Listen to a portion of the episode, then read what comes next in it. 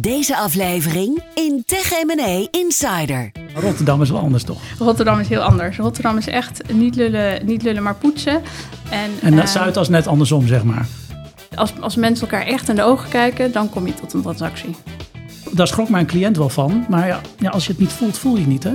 Oké, je hebt DD gedaan, ik heb je inzage gegeven in mijn bedrijf en dat is het ook. Dat noem je clean teams. Dat zijn de clean teams. Ze zijn, Ja. echt, ze zijn echt clean of... eh, Alles over de Nederlandse Tech M&A. Dit is de Tech M&A Insider Podcast. Hier is uw host, serial tech entrepreneur en M&A professional, Martijn van der Hoeden. Ja, welkom allemaal bij deze Tech M&A eh, podcast. En we hebben fantastische reacties gehad en daar zijn we heel erg blij mee. Blijf vooral je reacties naar ons toesturen via onze website. Eh, en oké, abonneer je natuurlijk ook op onze fantastische podcast. Bij mij aan de keukentafel zit Daphne van Bokstel, partner van Nine Corporate. En eh, senior M&A tech specialist bij dit mooie advocatenkantoor. Daphne, welkom. Dank Martijn, leuk om hier te zijn. Ehm, vandaag gaan we het ook hebben over hoe was jouw maand. Ehm, we gaan het hebben over tech M&A nieuws. Eh, we hebben het thema natuurlijk non-binding over term sheet, de do's en don'ts, letter of intent. Wat is er eigenlijk allemaal? En we hebben de inbox. Tech M&A Insider. Hoe was jouw maand?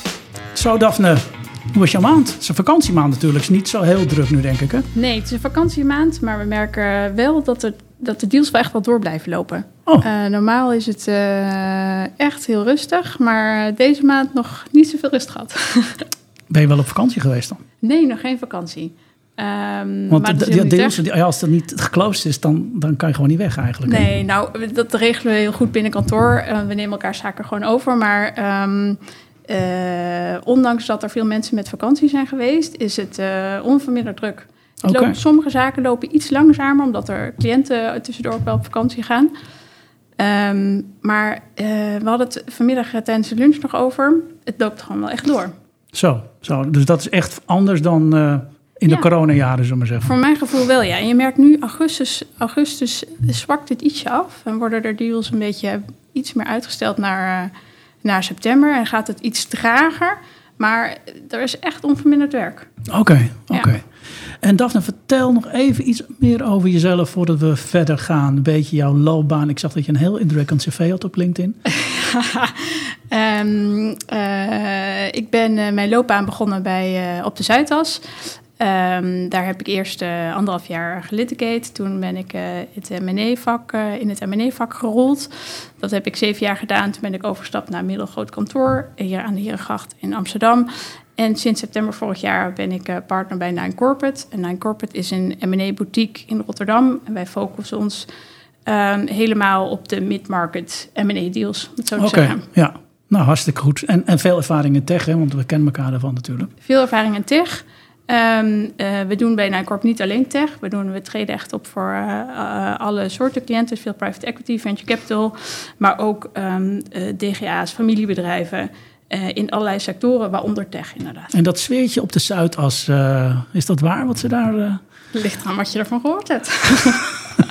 maar Rotterdam is wel anders toch? Rotterdam is heel anders. Rotterdam is echt niet lullen, niet lullen maar poetsen. En, En Zuidas net andersom, zeg maar. Ja, Veel lullen, weinig poetsen. Nou, dat zou ik niet per se Nee, willen zeggen. ik heb in, ook in op de Zuidas een hele eh, mooie tijd gehad. Eh, maar het is wel heel erg leuk om in Rotterdam te zitten. Oké, ja. Ehm, en er zitten ook wel echt andere soort mensen en andere sfeerheerster. En we merken dat onze, veel van onze cliënten het heel prettig vinden om een advocaat te hebben die niet op de Zuidas zit en niet in Amsterdam zit. ja, want het, Amsterdam is wel heel druk op dat gebied. Heel druk en ehm, veel van onze cliënten hebben ook wel de indruk dat nou ja, zaken die vertrouwelijk zijn heel makkelijk eh, tijdens de borrel toch wel gedeeld worden.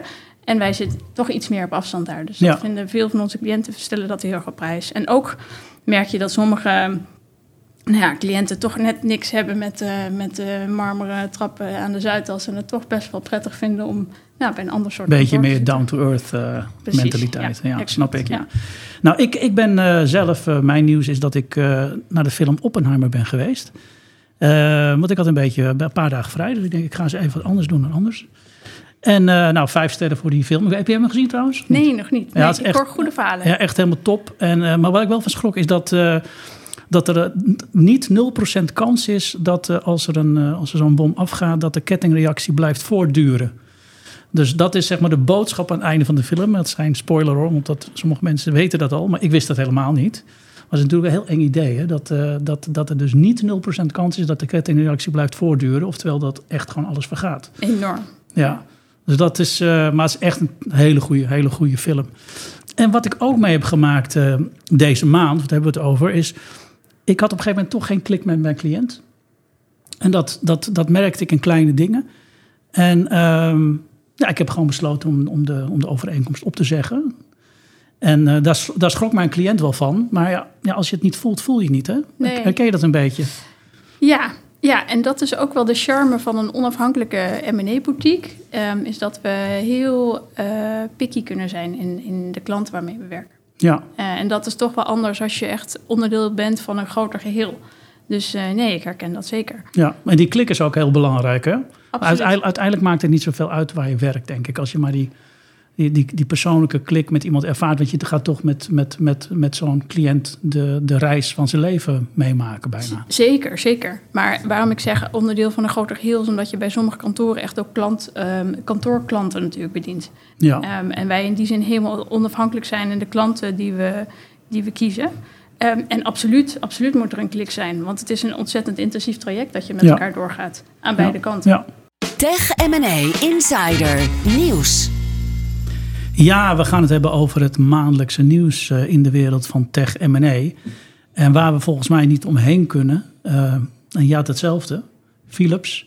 Absoluut, ja. Veel en erg op. eh, wat is er gebeurd?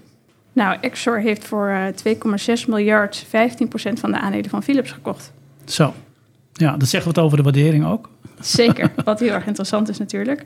Ehm, maar daarmee wordt zij in één klap de grootste aandeelhouder van Philips. Ehm, en dan hebben we het over de oprichters van natuurlijk autofabriek Fiat en de eigenaar van voetbalclub Juventus.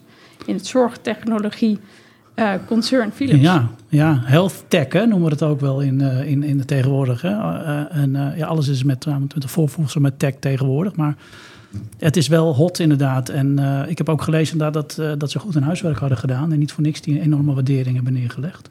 Volgens mij wil, willen ze echt, echt de tech-kant ook op hè, met, hun, eh, met hun investeringsfonds. Ja, en dat zie je natuurlijk, dat, precies wat je zegt, tech is hot. De vraag is er altijd, tenminste, ik stel mezelf altijd de vraag... wat bedoel je eigenlijk als je zegt tech? Want dat kan natuurlijk inderdaad van alles zijn. Het kan biotech zijn, het kan health tech zijn... het kan uh, fintech zijn, het kan alles zijn. Ja. Uh, maar tech blijft uh, onverminderd hot natuurlijk. Ja, ja. ja, dat blijven we volgen. Maar uh, het is natuurlijk, nou het goed, het is wel een Europees investeringsfonds geloof ik. Dat dan nog wel. Ja. Italiaans oorspronkelijk denk ja, ik. Absoluut, ja. ja, ja. Ja, wat mij opviel, um, en dat vind ik toch wel heel grappig eigenlijk, is dat Zoom heeft besloten, Zoom, ja, je hoort het goed, heeft besloten om te stoppen met alleen maar online werken. Dus ja, dat is natuurlijk wel fantastisch grappig nieuws. En, um, en ik herken het eigenlijk ook wel. Het is toch wel een soort van minimaal, minimum fysieke uh, ja, meeting nodig om met elkaar tot echt fantastische goede ja. ideeën te komen. Die, die kruisbestuiving die je op zo'n Zoom-call hebt, dat, dat is er toch eigenlijk veel minder. Het blijft natuurlijk, zeker sinds corona hebben we natuurlijk gezien dat mensen heel erg veel vanuit huis gingen werken. Daarna merkte je dat mensen dat wel deels wel een beetje vast wilden, wilden houden. We horen um, trouwens even een helikopter. Ja jongens, we zitten aan het Vondelpark. En uh, Amsterdam is druk en nu komt er een helikopter over. Dus, uh, en die gaat nu heel langzaam weer weg. Ga verder, sorry. En je merkt natuurlijk dat, um, wat ik zei, mensen heel erg uh, merkten dat ze van huis konden werken tijdens corona. En nu zie je weer een beetje een teruggaande beweging. Dat je precies wat je zegt, dat je eigenlijk toch echt wel fysiek contact af en toe nodig hebt om um, tot mooie ideeën te komen. En um, ik ben in die zin ervaringsdeskundige, want ik werk deels vanuit huis en deels vanuit kantoor. Maar ik merk toch dat de dagen die ik op kantoor ben, erg belangrijk zijn om contact te maken met iedereen. Om juist even die momentjes te hebben met elkaar die je inderdaad niet via een Zoom, Zoom of een Teams call kan hebben. Nee, nee.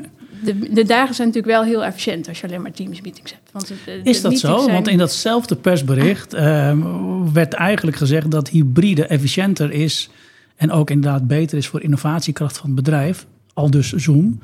Hybride, dan, dus dat je beide doet. Precies, dat je beide ja. doet, ja. ja. Maar niet dus Nee, niet alleen maar. Nee. nee. Maar Nee. ik moet zeggen, een dag... Maar de efficiëntie verhoogt dus ook door die, door die samenkomst. Klopt, als je de hybride, dus als je beide doet, zou ik zeggen. Maar als ik, een, een, als ik op zich een losstaande dag heb waarbij ik alleen maar teamschools heb, dan heb ik wel een extreem efficiënte dag. Want tijdens een teamschool gaan in mijn ervaring mensen niet heel erg lang over vakantie kletsen of, of andere zaken die overigens wel belangrijk zijn om contact te maken. Wou net zeggen, ja. Absoluut, net zeggen, ja. ja. En ja. dat doe ik dan weer op de dagen dat ik op het kantoor ben, doe ik dat wel weer. Ja. Maar ook met cliënten is het natuurlijk belangrijk om ze fysiek te zien. Dus eh, Ja, ik heb een keer een deal gedaan en ehm, dat was in coronatijd. Dus iedereen zat in een Zoom-call. En ehm, nou, mijn cliënt herken, ik natuurlijk goed. En ik ken zijn lichaamstaal ook. Maar de andere mensen die in die Zoom-call eh, zaten, die, die, die, die, die, die zagen dat helemaal niet. nee, En ehm, die waren eigenlijk gewoon, doordat ze op hem overkwamen als arrogant, ja, gewoon de deal aan het verpesten. ja, En hij eh, gaf heel duidelijk aan in zijn lichaamstaal, als je, hem, als je hem kent, maar ook als je naast hem zou zitten, van dit gaat helemaal niet goed. En ik ben ervan overtuigd dat je, als je dan met elkaar aan de tafel zou zitten, dat iemand dat zou opvallen en dat er een toontje lager gezongen wordt en dat je daarop inspeelt. Want je ziet iemand van tafel gaan zitten met zijn armen over elkaar. Ja. Al dat soort non-verbale communicatie. Dat mis je toch allemaal met die teams en die Zoom-dingen. Absoluut. Echt om een, als je een, echt een transactie, een transactie, een deal wilt maken, dan eh, zeg ik altijd, dan moeten we gewoon nu met elkaar in elkaar maar gaan zitten. Als, als dat echt de, eh, de bedoeling is van partijen om snel een deal te maken, moet je gewoon iedereen bij elkaar zetten. Ja, Dan eventueel je met een breakout room ergens. Exact. Dat je ja. even, even terug komt trekken. Ja, zoals we heel vaak hebben gedaan natuurlijk. Ja, ja, ja. Want als, als mensen elkaar echt in de ogen kijken, dan kom je tot een transactie. Ja, ja, en dan gun je elkaar ook wat. En dan zie je ook de emotie. Precies. En dat mis ja. je toch allemaal met die... eh, met die, met die nou, dus ja, Ja. dus, ja. Zoom eh, haalt zijn personeel terug en zegt... jongens, gewoon weer naar kantoor, hybride werken... eh, is beter, is effectiever en is ook beter voor de innovatie. Dus dat was wel een heel grappig, grappig itempje. Ehm, ja, verder hebben we het altijd over de SaaS Capital Index. Ehm, en we zien toch weer een opwaartse spiraal. Dus we hadden best wel een enorme duik. Dat de SaaS Capital Index gaat over de waardering van, eh van SaaS-bedrijven, software as a service clubs. Ehm, en dat wordt altijd uitgedrukt in een multiple op eh, annual recurring revenue. En die was echt weggezakt naar 6. En die is nu weer naar een opwaartse lijn bezig, naar 7,4. Dus we zien eigenlijk dat na de inflatie en renteverhoging, die er allemaal natuurlijk in Q1 op ons af zijn gekomen, dat, ehm, dat, dat, dat dat toch weer een soort rebounds effect krijgt op echt goede SaaS-clubs.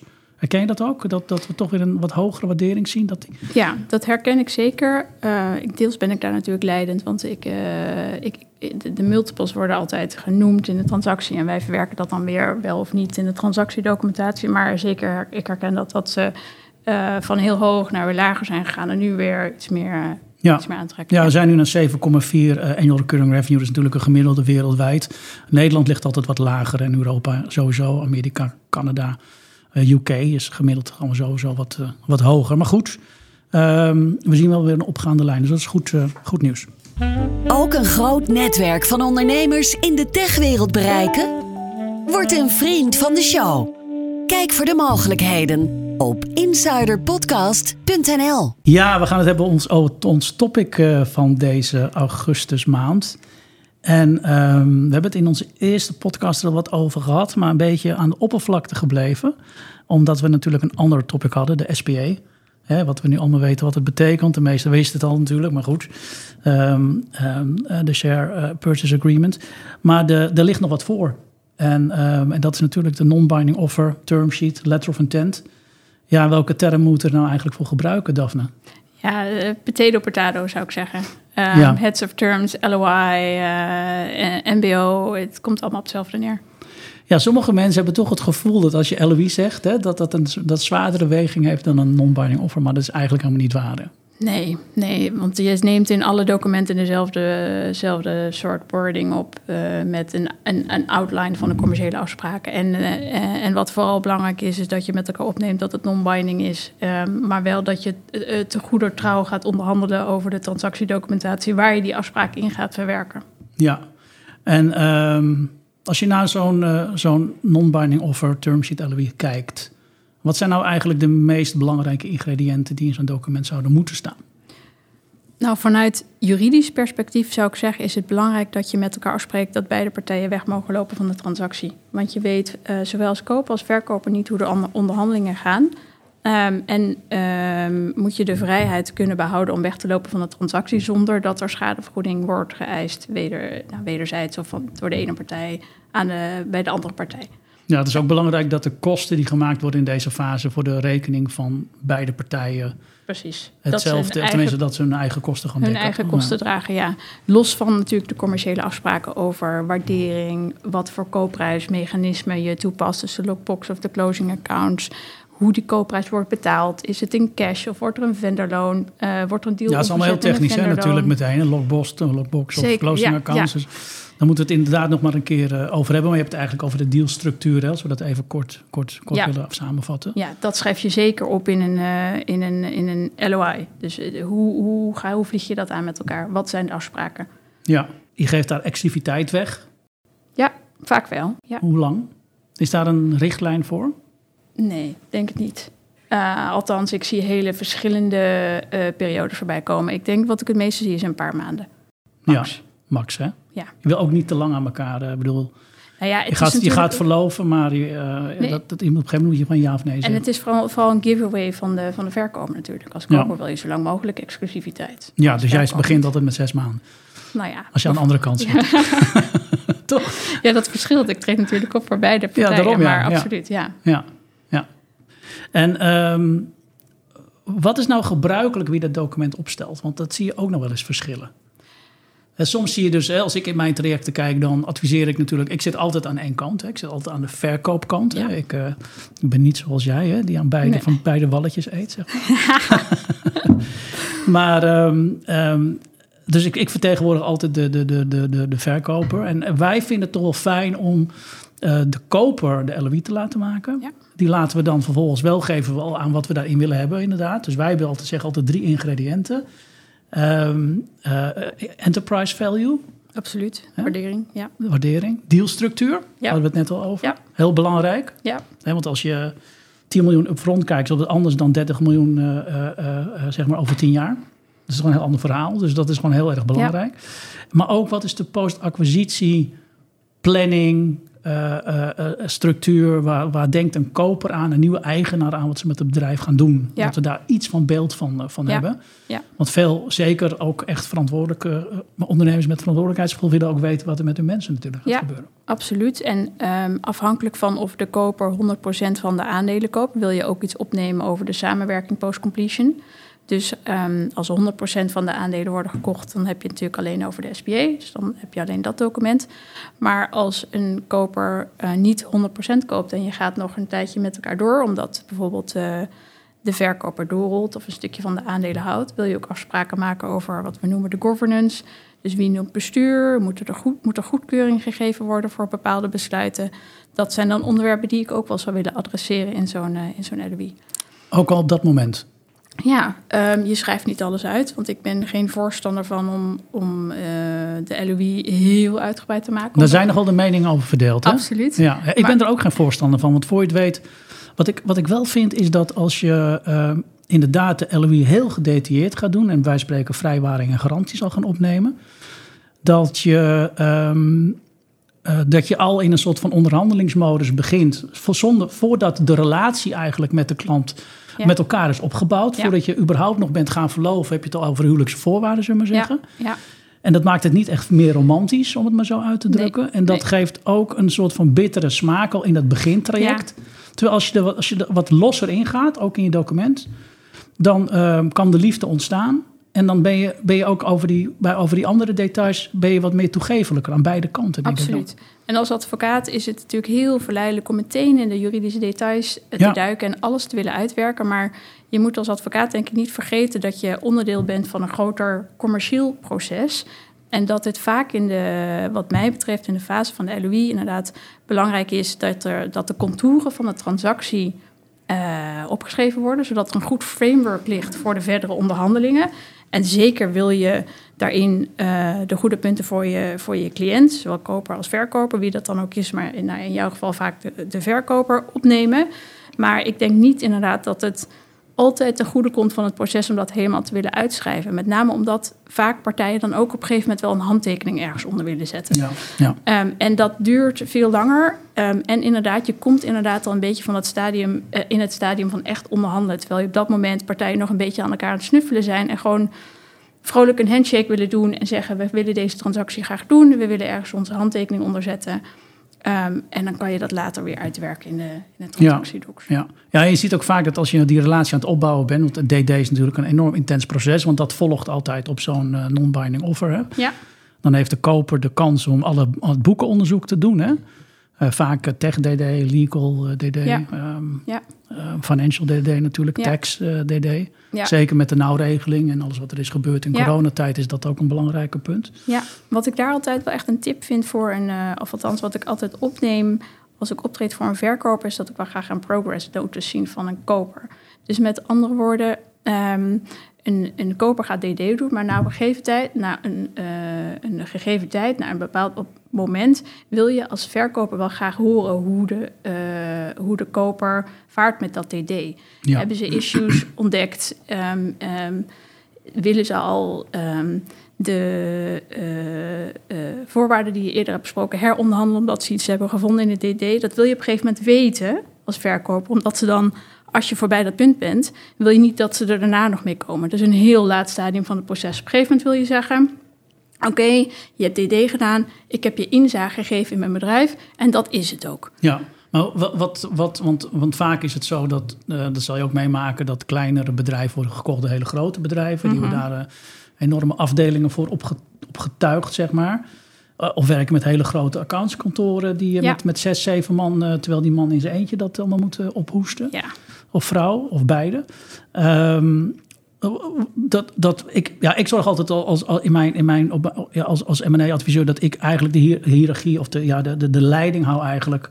En, en gewoon wekelijks een update eis, eh noem wij status meeting, absoluut. van ja. alle DD-sporen die gelopen Ja. worden, zeg maar. Ja, En we hebben ook al een deadline, dat is de activiteit die we dan, waar we op gaan sturen. ja, Ehm, maar wat nog wel eens gebeurt, ik had laatst ook een deal dat het hele DD was goed, maar er speelde onderhand speelde er toch wat. Zij kregen gewoon de financiering niet rond. ja, precies. Maar dat wordt gewoon niet ge- gedeeld, want ze laten al die DD-partijen hun werk gewoon doen. Dus alle lichtjes waren op groen en pluimen en fantastisch. Ja, En dan echt, eh, dat ik, dat, ik moest maar vragen, waar blijft de SPA, waar blijft de SPA? Want die zou de verkoper dan ook eh, maken.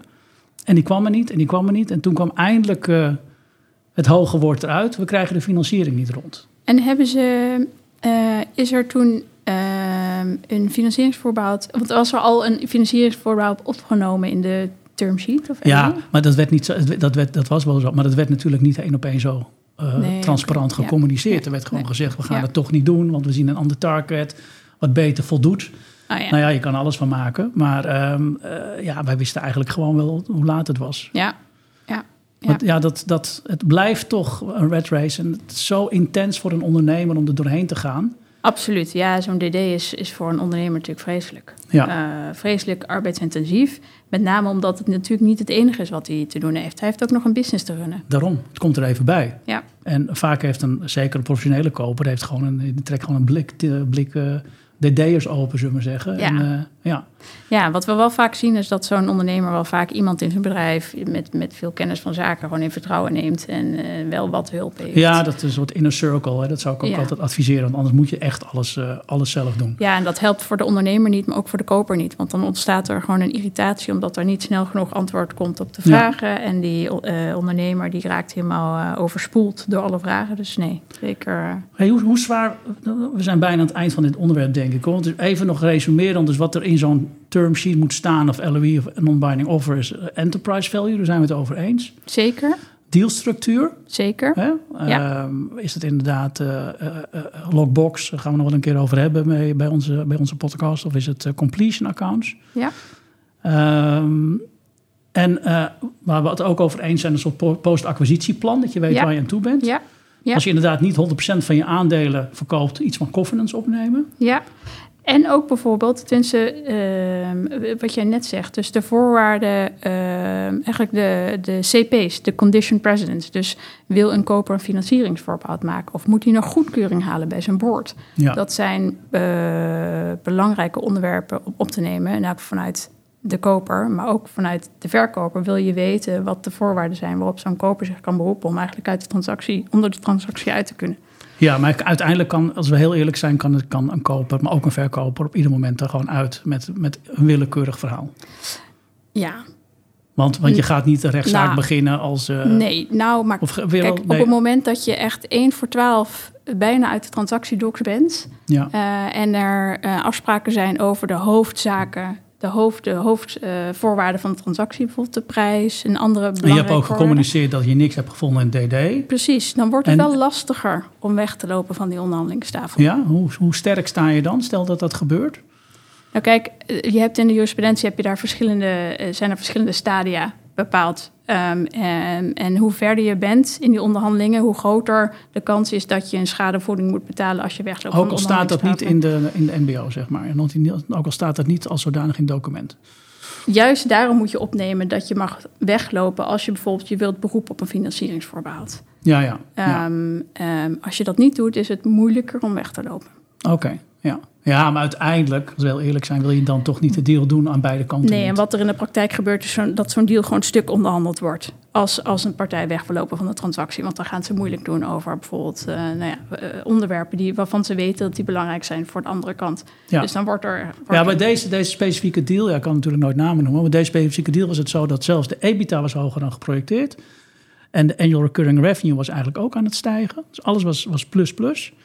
Maar maand op maand was er een dip in de zomer, wat er altijd was. En dat werd als reden aangedragen dat ze daardoor misschien niet vertrouwden. Terwijl dat gewoon een se- seasonal pattern was zeg maar, van deze business. Ja. Dus ja, dat, dan, dan voel je gewoon aan je water. Zeker, dat was ja. ook 5 voor 12. Dat ze alles nog wat proberen te doen om eh, schadevrij weg te lopen, Ja. om het zo te zeggen. Ja, en, en, en het is moeilijk hoor om aan te tonen dat je eh, zo in, zo in, in, in een dergelijk stadium van de onderhandeling bent dat je niet meer mag weglopen. Maar ik heb zeker wel eens meegemaakt dat partijen weglopen van de onderhandelingstafel, 1 voor 12, en dat er daarna zeker wel boze brieven volgden. Ja, ja, maar uiteindelijk ben je veel advocatuurkosten verder. En gelijk hebben is geen gelijk krijgen. hè? Nou, niet altijd. maar ja. Ja. Ehm, de geheimhouding in de non-binding offer, Daphne. Dat is ook altijd een vraag die onze cliënten stellen. Van zeker als een conculega interesse heeft. Ja, Je tekent geheimhouding, maar Ja. maar eens aan dat het geschonden is. Hè? Zeker. Ehm, maar ik zou in dat kader wel altijd adviseren om een aparte geheimhoudingsovereenkomst te tekenen. Oké, En vaak een- zien we ook wel dat die al eerder is getekend. En zeker nou, voordat partijen DD gaan doen ja, natuurlijk. een NDA gewoon. Ja, een NDA, Non-Disclosure Agreement. Maar er zit vaak toch ook geen boete in, hè? Nee, nee. Dus het is Maar het is toch- natuurlijk lastig om aan te tonen, precies wat je zegt. Ja, En wat je vaak merkt als het echt ehm, concurrenten zijn, dan wordt echt de concurrentiegevoelige informatie pas of in een heel laat stadium van het DD gedeeld, of je werkt met zogenaamde clean teams. En dan zeg je bijvoorbeeld alleen je adviseurs mogen toegang tot die bepaalde informatie, niet jijzelf, ehm, om die informatie te beoordelen. En dan ga je de goede trouw ervan uit dat de adviseurs niks delen met eh, hun opdrachtgever. Ja, ja, absoluut. Dat noem je clean teams. Dat zijn de clean Ze teams. zijn, ja. echt, ze zijn echt clean of eh, Nou, ehm, mijn ervaring is wel als dat het echt een professionele partij zijn, dan is dat, werk, is Ja, goed werkbaar. Ik heb zelf ook wel eens in een clean team gezeten of informatie beoordeeld voor mijn cliënt eh, zonder eh, dus commerciële informatie gezien eh, die vanuit juridisch perspectief beoordeeld zonder te vertellen aan mijn klant wie bijvoorbeeld de klanten waren. Ja. klanten, bijvoorbeeld als je het hebt over klantencontracten. Nou, dan heb je het ook een GDPR, hè? Dat wordt ook lastig tegenwoordig, hè? Eens. Wat kan je wel en wat kan je niet delen? Want wij, Absoluut, ja. deel je bijvoorbeeld wel je werknemersgegevens of niet? Ja. Nee, nou ja, wat wij vaak zien is dat gewoon geanonimiseerde overzichten Tot ze het core team toch willen leren kennen, weten ze toch wie het zijn natuurlijk. Ja, ja, maar dan ben je ook weer in een verder stadium. Hey, laatste vraag eh, die ik ook nog wel, eh, eh, wel eens hoor van cliënten, ook van mij, maar ook in de markt wel. Ehm, bestaat er ook zoiets als een binding offer? Ja, absoluut. Ja. Eh, non-binding offer of binding offer. Wat we vaak zien bij een binding offer is dat je... ehm, althans, dat zie je vaak in de context van een auction natuurlijk. Dat eerst een non-binding offer wordt gedaan. Dan wordt er nog wat confirmatory DD gedaan. Ehm, en dan zegt de verkoper... nou, op een gegeven moment wil ik een binding offer... maar onderdeel van dat binding offer is vaak bijvoorbeeld een markup van de SPA. Ja, ja. Dus dan ben je echt Ja. al een stuk verder in het proces. Ja, dan is het eigenlijk... eh, ja. Ja, van laat maar zien op welke voorwaarden je deze transactie echt zou willen doen. Ja, maar goed, en dan zijn we eigenlijk al. eh, dus vaak wordt het eigenlijk toch wel overgeslagen, wordt er meteen een draft SPA. eh. Nee, bij- bij, een, bij een binding offer heb je al een draft SPA gekregen van Oké, de verkoper. dus dan ben je het dan, eigenlijk al eens over de vrijwaring Nee, dan- en garanties en dat soort ja, zaken. dan geef je als onderdeel van je binding offer eh, een markup van de SPA mee. Ja, precies. Oké. Ja. Oké. Tech M&A Insider Inbox. De inbox. Ja, we hebben weer een hele interessante vraag gekregen, eh, Daphne, eh, in onze inbox. En, en mocht je eh, een vraag willen stellen, ga naar onze website ehm, insiderpodcast.nl en dan kan je een e-mail achterlaten en dan een vraag stellen. En wellicht wordt jouw vraag ook beantwoord in deze live podcast. Live opgenomen podcast moet ik zeggen natuurlijk. Ehm, Angela, ondernemer. SaaS Club, mooie club, bestaat al vijf, zes jaar. Hardgroeiend, is benaderd het een beetje al over gehad. De grootste concurrent die ze heeft. Beetje oude tech, maar die zien opeens dit op zich afkomen. Wat Angela allemaal heeft eh, geregeld. Uiteraard weer geen details van het bedrijf. Ehm, ze denkt, ja, dat is een hele grote concurrent. Die heeft superveel interesse eh, en wil eigenlijk een bod doen. Ze hebben een NDA getekend om eerste kennismakingsgesprekken eh, te kunnen doen. En wat meer informatie te delen. Want die concurrent wil natuurlijk meteen weten wat is je omzet. En eh, hoe, eh, hoe ziet die winstgevendheid eruit. Als eerste hoorde zeg maar om überhaupt serieus interesse te hebben. Nou, dat gaat eigenlijk allemaal goed. Ehm, maar ze is toch heel erg bang wat ze nou wel en niet kan delen. Ja, dat is eigenlijk natuurlijk al waar we het net over hadden. Ehm, ik zou altijd aanraden om echt eh, concurrentiegevoelige informatie in een vroeg stadium niet te delen. En dat ofwel uitstellen tot echt een, eh, het laatste stadium van het DD of de werk. Maar dus ook niet je omzet bijvoorbeeld. Ja, dat wordt even stil nu. Ja. Ehm, Want dat was natuurlijk meteen gevraagd. En dat is ook heel concur- concurrentiegevoelig. Want er was meteen, wordt er meteen natuurlijk gekeken, wel niet interessant. Ehm, ja, dat is wel een lastige, want deels wordt de prijs natuurlijk daarop gebaseerd. daarom. Dus, Want als je de ehm, omzet niet deelt, dan kom je ook niet veel verder in zo'n proces. Denk ik. Nee, nee, eens. Dus dat is een. En ik moet eerlijk zeggen ik, dat ik dat ook meer bekijk vanuit juridisch perspectief. Dus vanuit de, de echte concurrentiegevoelige informatie die bijvoorbeeld in de, in de contracten opgenomen staat. Ja, Ehm, Ja. Waarvan ik altijd zou zeggen dat kan je blacklinen of ehm, daar een clean team op zetten. Ja, het ligt er ook heel erg aan. eh, ik, ik weet met mezelf, van mezelf, eh, toen ik nog mijn bedrijf Assistant Software had. hadden we hadden een supermarkt projectmanagement oplossing gebouwd. En ehm, allemaal gebaseerd op Microsoft technologie. En, ehm, en ja hoor, op een gegeven moment na vijf, zes jaar eh, klopt Microsoft zelf op de deur. En eh, goh, eh, eh, Martijn, we hebben heel superveel interesse en eh, kunnen we niet eens praten? En eh, ja, ik was toen nog veel minder ervaren dan nu natuurlijk. Ik was rond de 30. En ehm, ik ben nu wat ouder. Ehm, in ieder geval, ehm, eh, ik natuurlijk als, zo, zo, zo, zo groen als gras, eh, helemaal enthousiast en alles met Microsoft delen. Ik werd overgevlogen naar Seattle. Ik mocht de, de, de, de campus en de, headquarters bezoeken. En, eh, en ze bleven maar dingen vragen. En ik me enthousiast, meer enthousiast alles demoen en laten zien en noem maar op. En een lang verhaal kort te maken. Uiteindelijk kwam er een bod uit. Maar het was helemaal geen overnamebod. Het was een fixed asset bod. Dus ze wilden gewoon de, het IP kopen. En geen interesse in eh, nog het bedrijf, nog de mensen. Eh, Nee, maar dat is. Nee. nee, dat was natuurlijk, was natuurlijk gewoon vreselijk. Ja, En het, ja, het verhaal wordt dus nog erger. Ehm, dus ik zei, nou, dat gaan we natuurlijk niet doen. Want zij wilde eigenlijk gewoon een lege BV achterlaten. En dan kon ik mijn mensen gaan ontslaan. Dus dat, dat, dat heb ik gewoon niet gedaan. Alhoewel het wel een aantrekkelijk, aan- initieel aantrekkelijk bod was. Maar natuurlijk met heel veel haken en ogen. Dus wij hebben eh, bedankt. Maar wel drie, vier maanden lang was ik gefeteerd. eh, en eh, overvliegen en zij overvliegen. En natuurlijk veel te veel informatie gedeeld. Ja. En, en een half jaar later, acht maanden later of zo, kwamen ze met een exact hetzelfde product op de markt. Precies hetzelfde, dezelfde filosofie. Uit, uiteindelijk veel slechter. En uiteindelijk hebben we ook weer de concurrentie die we daarvan kregen overwonnen. En zijn ze met het product uiteindelijk gestopt. Maar wij hadden echt. En, en wat, wat erg was, is dat ze ons ook nog eens vroegen om, eh, om partner daarvan te worden, van dat product. ja. En je had Ja. ze wel een NDA laten tekenen. Ja, maar dat, ik, had een, ik, had, ik had de NDA laten. Ik had geen NDA getekend. Ze hadden mijn NDA gestuurd. En daar stond letterlijk in de kleine lettertjes dat alle informatie die beide partijen met elkaar delen, dat dat gebruikt kan worden in toekomstige projecten zonder elkaar daarvoor aansprakelijk te stellen. Ja, en daarom is het belangrijk een advocaat aan te haken. ja, nee, dat, dat is inderdaad waar. Ehm, dus ik denk ook voor Angela, want daar hadden we het over, we hebben het niet over mij, maar voor Angela is het natuurlijk ook belangrijk dat zij uh, inderdaad tijdig uh, kijkt van, joh, is alles wel goed gedekt in de NDA? Ja, absoluut. En, en, en is het niet gewoon, want je ziet ook best wel vaak, ik merk het ook als wij een teaser letter uitsturen, dat concurrenten van mijn cliënten vaak de NDA heel snel willen tekenen, omdat ze puur willen weten, want dan delen wij al wat meer informatie natuurlijk, dat ze het IM krijgen.